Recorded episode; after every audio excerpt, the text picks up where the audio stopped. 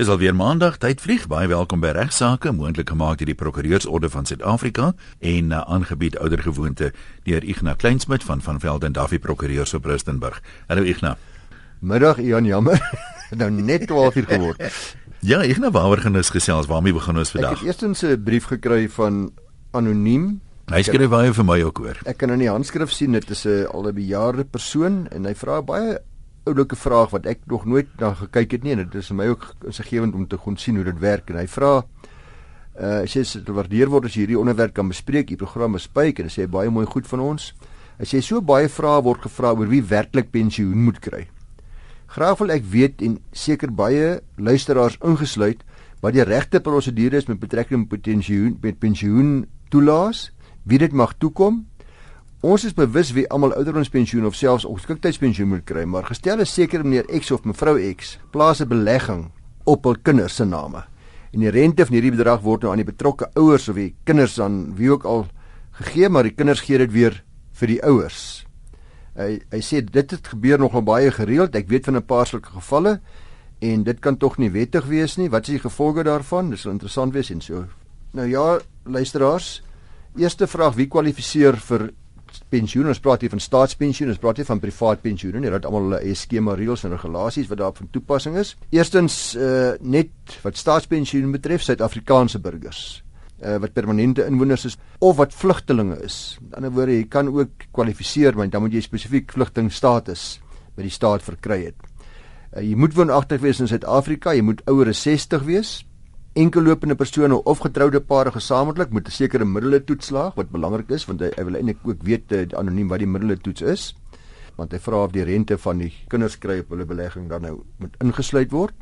En dan uh, sê die wet ook dat 'n persoon moet nie onderhoue versorg word in 'n instansie wat befonds word deur die staat nie. Byvoorbeeld 'n tronk rehabilitasiesentrum 'n staat se ouetehuis jy kan nie in die staat se ouetehuis bly wat deels deur die staat befonds word en dan nog ook pensioen kry nie sou nie dit sou nie aanvaarbaar wees nie. Uh dan oor hoe mense te werk gaan is gaan dit nie baie lank daaroor praat nie. Net vinnig vir u sê 'n persoon doen aansoek by 'n SASSA kantoor. Is S A S S A. Dit beteken South African Social Security Agency. Dis die agentskap wat aangestel is om pensioen namens die staat te hanteer. U gaan na die SASSA kantoor toe in die gebied waar u woonagtig is. Mens kan na hulle webtuiste toe ook gaan, die wat belangstel is maar www.sassa.gov.za. www.sassa.gov.za www.gov.za. Uh, ek gaan as uh, hier wat inligting wat jy by hulle sal kan kry. Daar seker noodsaaklike dokumente wat jy moet indien. Dit moet altyd oorspronklik wees of gesertifiseerde afskrifte. Dis dinge soos die ID, bewys van huwelikstatus, byvoorbeeld beheerde verklaring oor die inkomste en die bates wat jy het. Nie net inkomste nie, ook die bates sal belangrik wees. En dan stawende dokumente vir wat weer eens die inkomste en die bates bewys saam met die eetsverklaring. Jy moet ook bewys lewer van inkomste van afhanklike kinders, kinders wat nog van u afhanklik is, want dit gebeur dikwels dat daar nog kinders in die huis is wat ook nie werk nie, wat dan ook 'n rol speel. Dan moet jy hierdie dokumente saam met die eersverklaring alles dan in die Mysasa. Belangrik is die belangrikste dink ek een is wat is die middele toets? Waarna kyk die die staat voor hulle vir u pensioen gee? Hulle beoordeel eerstens u inkomste en u bates om vas te stel of u kwalifiseer vir staatspensioen. Nou indien u getroud is, sal die helfte van die gesamentlike inkomste in ag geneem word. Aan die ander word word dan die, die totale inkomste word dan gedeel om te sien of 'n uh, individu wat getroud is dan kwalifiseer. So sê net maar net net 'n vraag daaroor te vra. 'n ja. Vrou het geen werkende inkomste nie, maar haar man se is redelik hoog. Dit sou haar potensieel kon diskwalifiseer as sy dan as die helfte steeds te veel is. Dit word gehalveer vir albei ja. Ongelukkig. Dan die waarde van eiendomme wat op die applikant se name sal in ag geneem word, behalwe die eiendom waarin mens woon. So jou woonhuis self se waarde word nie in aanmerking geneem vir die doelenis van bepaling van wat jou batewaarde is nie. En maar hierdie middele toets moet ek sê verander elke jaar. Elke jaar word daar nuwe middele toetse deur die staat daar gestel. Hy verhoog elke jaar so 'n bietjie en dis maar met uh, wat gewoonlik gebeur. Maar tans moet 'n enkel lopende applikant nie meer as 49200 per jaar verdien nie. So rapsie meer as 4000 rand per maand. En jy mag nie bates besit van meer as 831600 rand nie. So jy mag nie meer as 49200 verdien nie en jy mag nie meer as 831600 uh, besit nie. Getroude applikante se gesamentlike inkomste mag nie meer wees as 99840, dis sê maar 100000 rand. En hulle gesamentlike bates moenie meer wees as 1,663 200 nie. 1.663.200. Dis maar die helfte presies twee keer meer as wat die enkellopendes in was. En daai bates, dit maak nie saak of dit inkomste kan genereer of nie. Sê net maar dis 'n nee. erfie by die see wat jy nou hoop as die mark herstel om te verkoop as hy 'n miljoen werd is, is dit tickets. Dit is wat hy werd is, maar as hy inkomste genereer, dan moet jy dit openbaar weer by jou inkomste. Ja. Dan gaan dit weer by jou 49200 rand per jaar. Ja, gaan dit by ja. bereken word, miskien 'n week kwalifiseer. So alle inkomste van watter bron ook al moet in aanmerking geneem word. Maar die volgende faktore sal dan veroorsaak dat jou pensioen verval as jy veranderde omstandighede het, jou finansies verander, jy kry miskien weer 'n nuwe werk en dit en jy gaan nou oor hierdie drempel wat die middele toets drempel of jy versuim om samewoning te verskaf tydens hersiening met ander was bedrog of wanvoorstelling gewees kom hulle agter. Uh of verdien natuurlik die toelaag foutiewelik goedgekeur was. En ook belangrik as jy uit die RSA uitgaan uit die Republiek uit Suid-Afrika uit gaan vir langer as 3 maande langer as 90 dae Sodra jy vir jou kinders gaan besoek en jy gaan by hulle 4 of 5, 6 maande bly verval jou pensioen. Jy moet dit ook openbaar, jy weet sê spesifiek jy moet dit eh, op uh, openbaar aan hulle. Dan is daar 'n hele uh, reeks reëls van toepassing op hersiening van toelaas. Uh, ek gaan dit nie nou met u in detail bespreek nie. Waarom sê dat minstens 3 dae voor so hersiening moet SASSA die begunstigde kennis stel dat hulle wil hersien. So jy gaan kennis kry dat daar moet hersiening wees. Dan kom iemand na jou toe en hulle of hulle net jou by die kantoor toe kom en hulle kyk weer mooi na wat het verander in jou lewe en uh, is dit nie nodig om weer te kyk of jy nog kwalifiseer al dan nie. Maar veronderstel nou meneer en mevrou X, net om 'n voorbeeld te gee, ontvang nou elke maand die rente van 'n belegging wat op hulle kinders se name is. Die vraag is nou is hulle steeds geregtig op staatspensioen. Tydens die aansoek vir staatspensioen is daar 'n duidelike plek waar die applikante moes aandui watter inkomste hulle ontvang van alle bronne. So hier moet hulle dan aantoon. Hulle het 'n plig dan om vir SASSA te sê, ons kry ook elke maand vaste bedrag van ons kinders af. Dis wat ons ontvang. Uh hulle het ook 'n plig as hulle na die pensioen ontvang het, dan kom nuwe inkomste by om dan dadelik vir SASSA te laat weet. Indien hulle steeds dan in die middele toets voldoen nadat die rente nou in berekening gebring is wat hulle van die kinders ontvang, ten spyte van enige ander inkomste wat hulle mag hê, sal hulle natuurlik steeds geregtig wees op staatspensioen. Indien hulle nie meer aan die middele toets voldoen nie, sal hulle toelaat natuurlik ontvang. Die vraag is nou egter of dit waar hulle opsetlik nou 'n plan maak om hierdie inkomste weg te steek. Wat dis wat hierdie anonieme luisteraar sê, hy weet van gevalle waar hulle 'n eiendom oordra aan die kinders, 'n inkomstegewende eiendom of wat rente of 'n belegging oormaak aan die kinders. Met ander woorde, ek is nou al bejaard, nou sê ek hier's vir julle elkeen 'n miljoen rand, maar onthou pappa en mamma moet die rente kry. Maar jy moet vir niemand net sê julle gee dit vir ons nie. Dit is duidelik bedrog, dis duidelik wanvoorstelling. Uh dit sal krimineel van aard wees. As geen twyfel daaroor is dit sou blyk dat dit opsetlik so gedoen was nie. En ook om mee te begin moet hulle onthou dat as jy vir jou kinders elke 'n miljoen rand skenk, dan gaan jy daarop skenkingsbelasting betaal van 20%. So weer eens as jy beduidend. En as jy dit nie betaal nie, dan bedrieg jy weer. As jy dit nie openbaar aan die ontvanger van inkomste nie, dan bedrieg jy weer bedrog teenoor die ontvanger van inkomste die Suid-Afrikaanse Inkomste Diens. So daar's altyd 'n plek waar jy op uitgevang gaan word. Ek moet dan net ter duidelikheid ook dan by sê, mens kan elke jaar, elkeen van ons, elke ma of pa, kan elke jaar 100 000 rand belastingvry skenk aan kinders. So 'n manier om 'n voorbeeld jy 'n miljoen rand aan jou kinders oor te dra. As ek nou maar die goeie plan wat 'n eerlike billike mm, met oor 10 jaar basies te doen. Wat wat wat wat die etiek nie gaan 'n probleem hê nie en die staat nie probleme hê nie. Ek sê ek wil vir my kinders elkeen 'n miljoen rand gee. Dan gee ek vir hulle elkeen 100 000 rand. Ja, ek gee vir hulle 100 000 rand, my vrou gee 100 000 rand en na 10 jaar het hulle dan nou belastingvry geld, geen ja, skenkingsbelasting ja. nie, elkeen 'n miljoen rand. Nou is die volgende ding, nou kom hulle nou en dan gee hulle vir my ietsie. Dis nou regtig hulle geld. Ek ben nou juis gevra het want jy het nou gepraat van 'n vaste bedrag, maar ja. ek weet daar's baie kinders wat van tyd tot tyd help. Het jy ja. iets gebreek, maar ons sal ons sal vir ma 'n nuwe stoof koop byvoorbeeld of 'n yskas of wat ook al. Presies. Ek dink daardie soort van geskenke van tyd tot tyd, ek stiek julle ek, ek gaan vir julle betaal vir 'n oorseese vakansietjie van 'n week of 2, 3 en hier's vir julle elkeen soveel rand. Ek dink nie die die staat het in gedagte om daarna te kyk nie, om dit hierso by in te sluit nie waar hulle sê van alle inkomste uit ander bronne nie. Ek dink as dit 'n gereelde maandelikse inkomste is, maar as dit van tyd tot tyd 'n geskenk is met my verjaarsdag of by 'n spesiale geleentheid of Kersfees, dan gaan dit beslis nie deel van hierdie inkomste wees nie. Ek wil nou nie dink sy's 'n ou wat te oulik is nie, maar ek sit nou sommer in wonder as dit nou 'n vermoënde kind is wat kom ons sê 'n prokureur op Rustenburg is wat baie goed doen byvoorbeeld en het die finansiële vermoë as ma of pa dan nou vir jaar as jy mens sê maar ag hier's 'n kontantbedragie van R12000, dis maar toevallige R1000 ja. 'n maand, maar dis 'n verjaarsdag persentjie eenmalig. Elkeen sal op sy eie manier beoordeel word.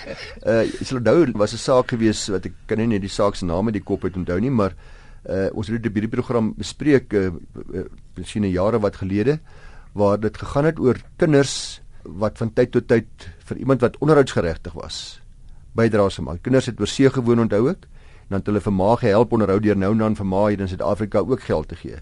En daar het die hof bevind dat hierdie tipe van geskenke van tyd tot tyd nie in aanmerking geneem word by die vraag of haar onderhoud moet verhoog of haar onderhoud was 'n aansoek vir verlaging van haar onderhoud deur haar eksman wat onderhoud ja, moes betaal. Ja, hof het gesê nee, daai geskenke van die kinders van die buiteland wat van tyd tot tyd gegee word uit liefde uit is nie deel van normale inkomste nie.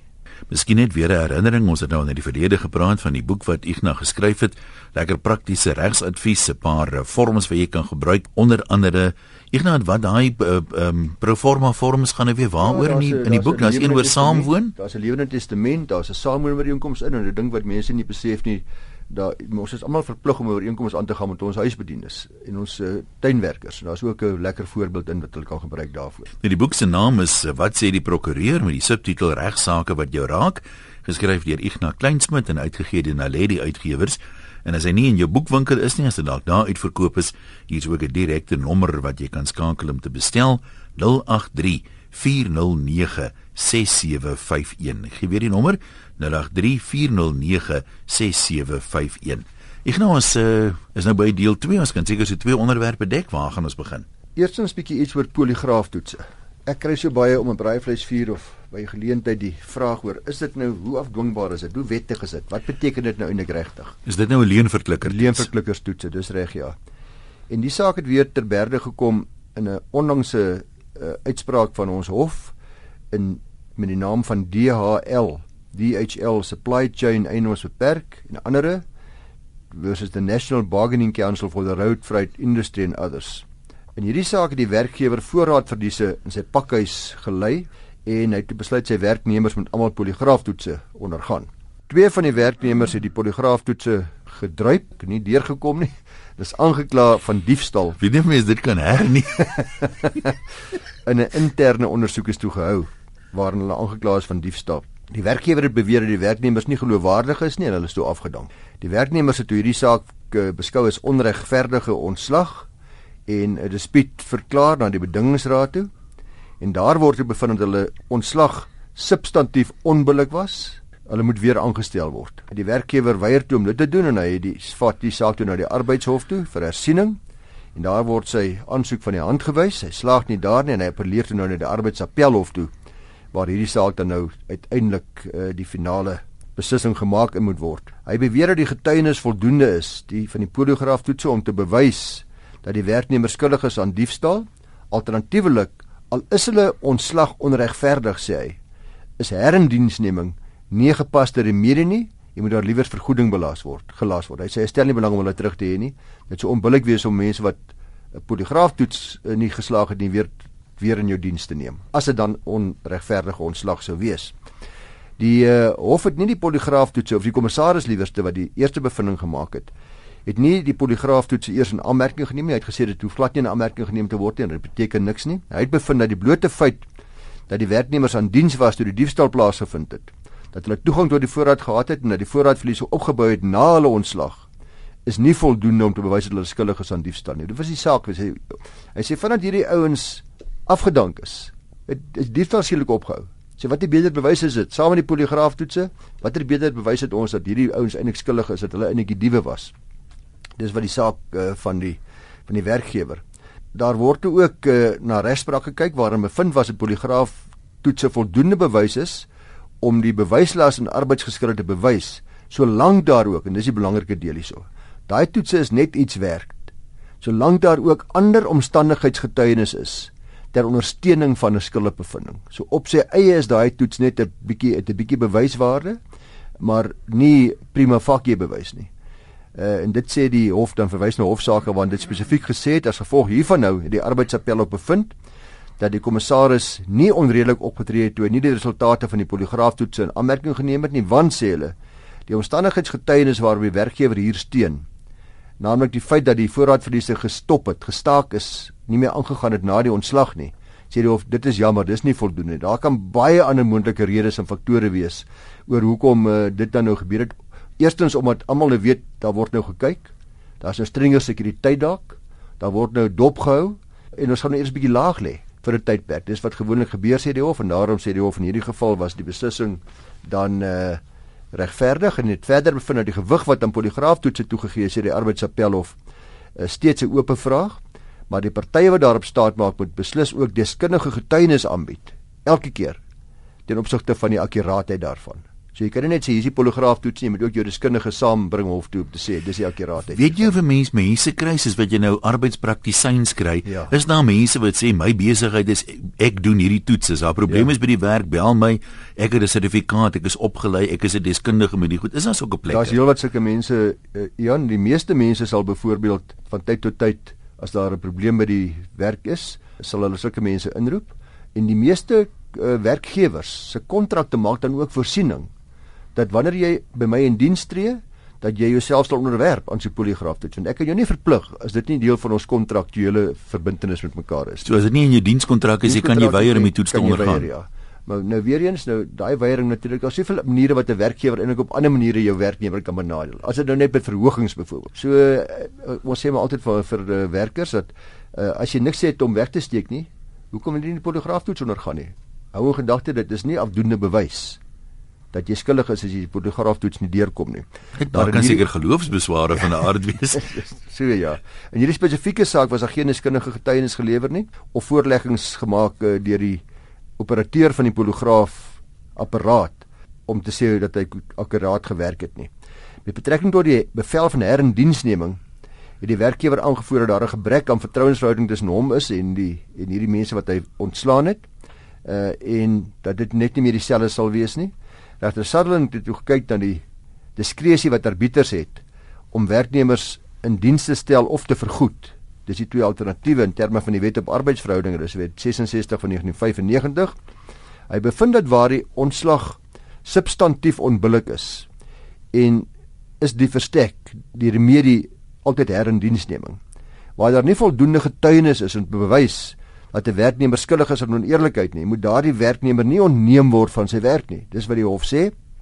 Tensy, dis die enigste uitsonderings, voorgesette indiensneming ondraaglik of onprakties sal wees. Die arbeidshof het ook die element van konsekwentheid in ag geneem, asook die feit dat vorige werknemers poligraaftoetse gedryf het wanneer ontslaan is nie. Uh en herindiensneming is as gevolg van alles wat ek nou gesê het, die gepaste remedie en die appel word van die hand gewys. Is jammer meneer, of jy nou van hou of nie met hierdie mense weer in diens neem. Want daar's geen aanduiding dat hulle oneerlik was hoegenaamd nie. Geen bewys glad nie.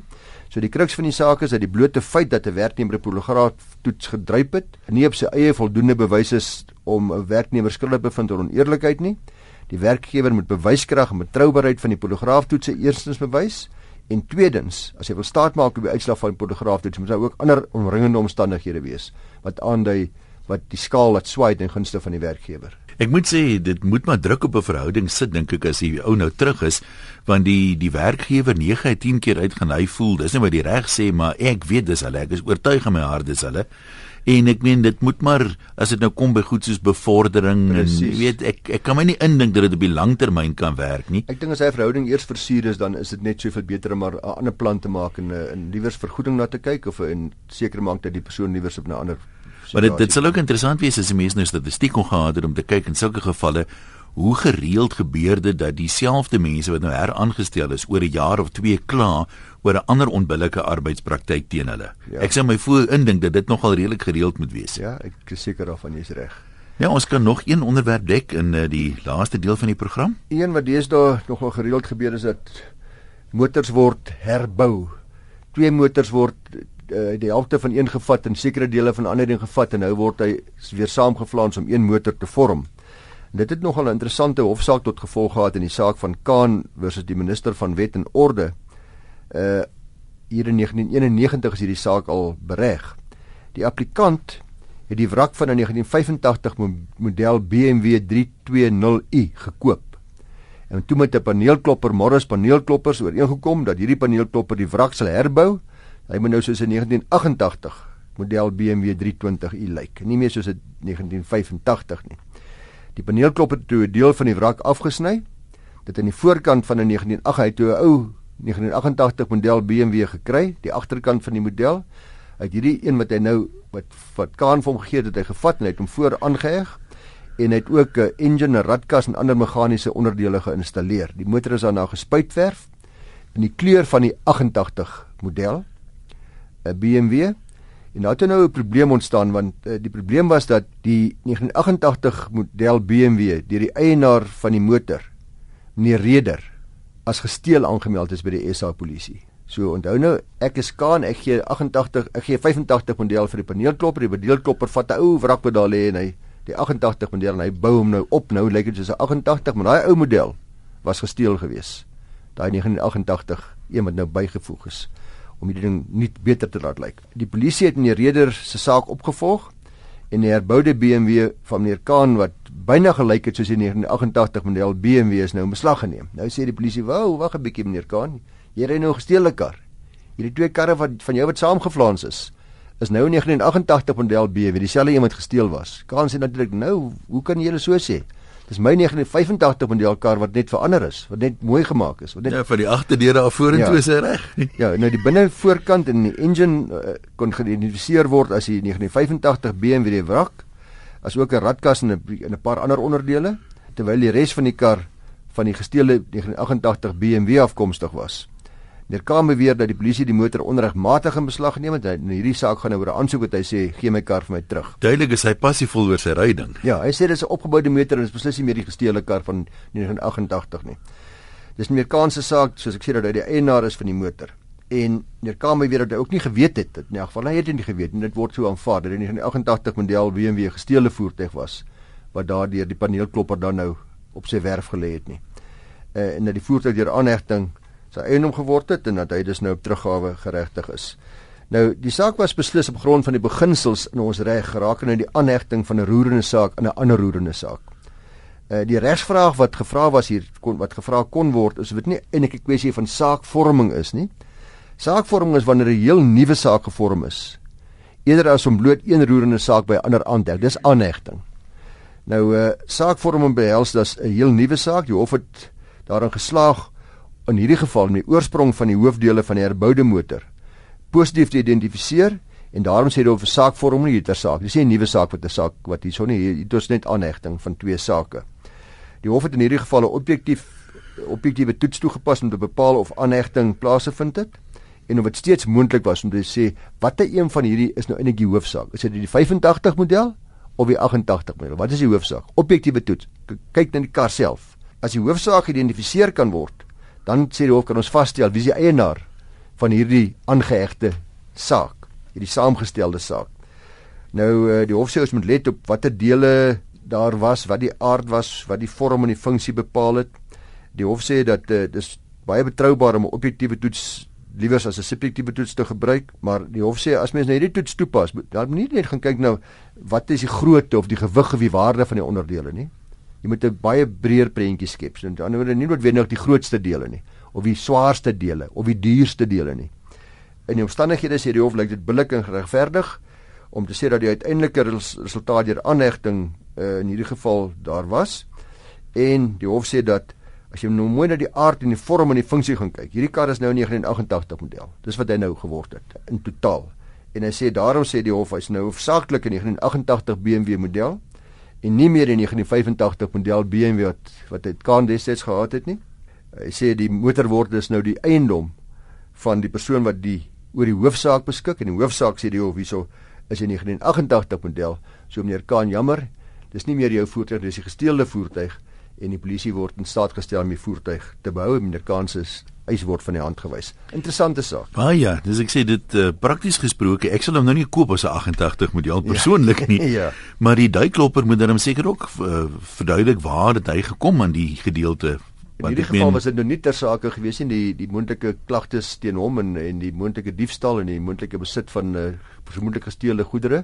Hierdie was 'n suiwer siviele aansoek en 'n siviele hof waar sê gee my kar terug polisie dis my motor. Dis nie gesteelde motor nie. Nee, ek ek voel vir meneer Kaan want as ek sê ou wat al hierdie moeite doen is duidelik passievol oor die ryding en dit is van belangrik om 'n 88 model te maak wat nou mooi lyk tot die kleur en al hierdie dinge ja, so. Ja, dit was duidelik onskuldig geweest. Mens kan seker ook sê, né, die regsreëls as mense dit nou reg toepas, gee nie altyd die resultaat wat jou regsgevoel vir jou sê. Die arme man met my simpatie lê nou by meneer Kaan, moet ek bieg. In hierdie geval dink ek eh, is, is nou 1991 en jy weet nie wat gebeur het nie, maar ek sou my indink dat meneer Kaan waarskynlik daarna onmiddellik sou poog om sy skade te verhaal vanaf die paneelklopper. Ek nou ek dink dis alwaar ons gaan tyd hê vandag. Baie dankie soos altyd en regsaake word moontlik gemaak deur die Prokureursorde van Suid-Afrika.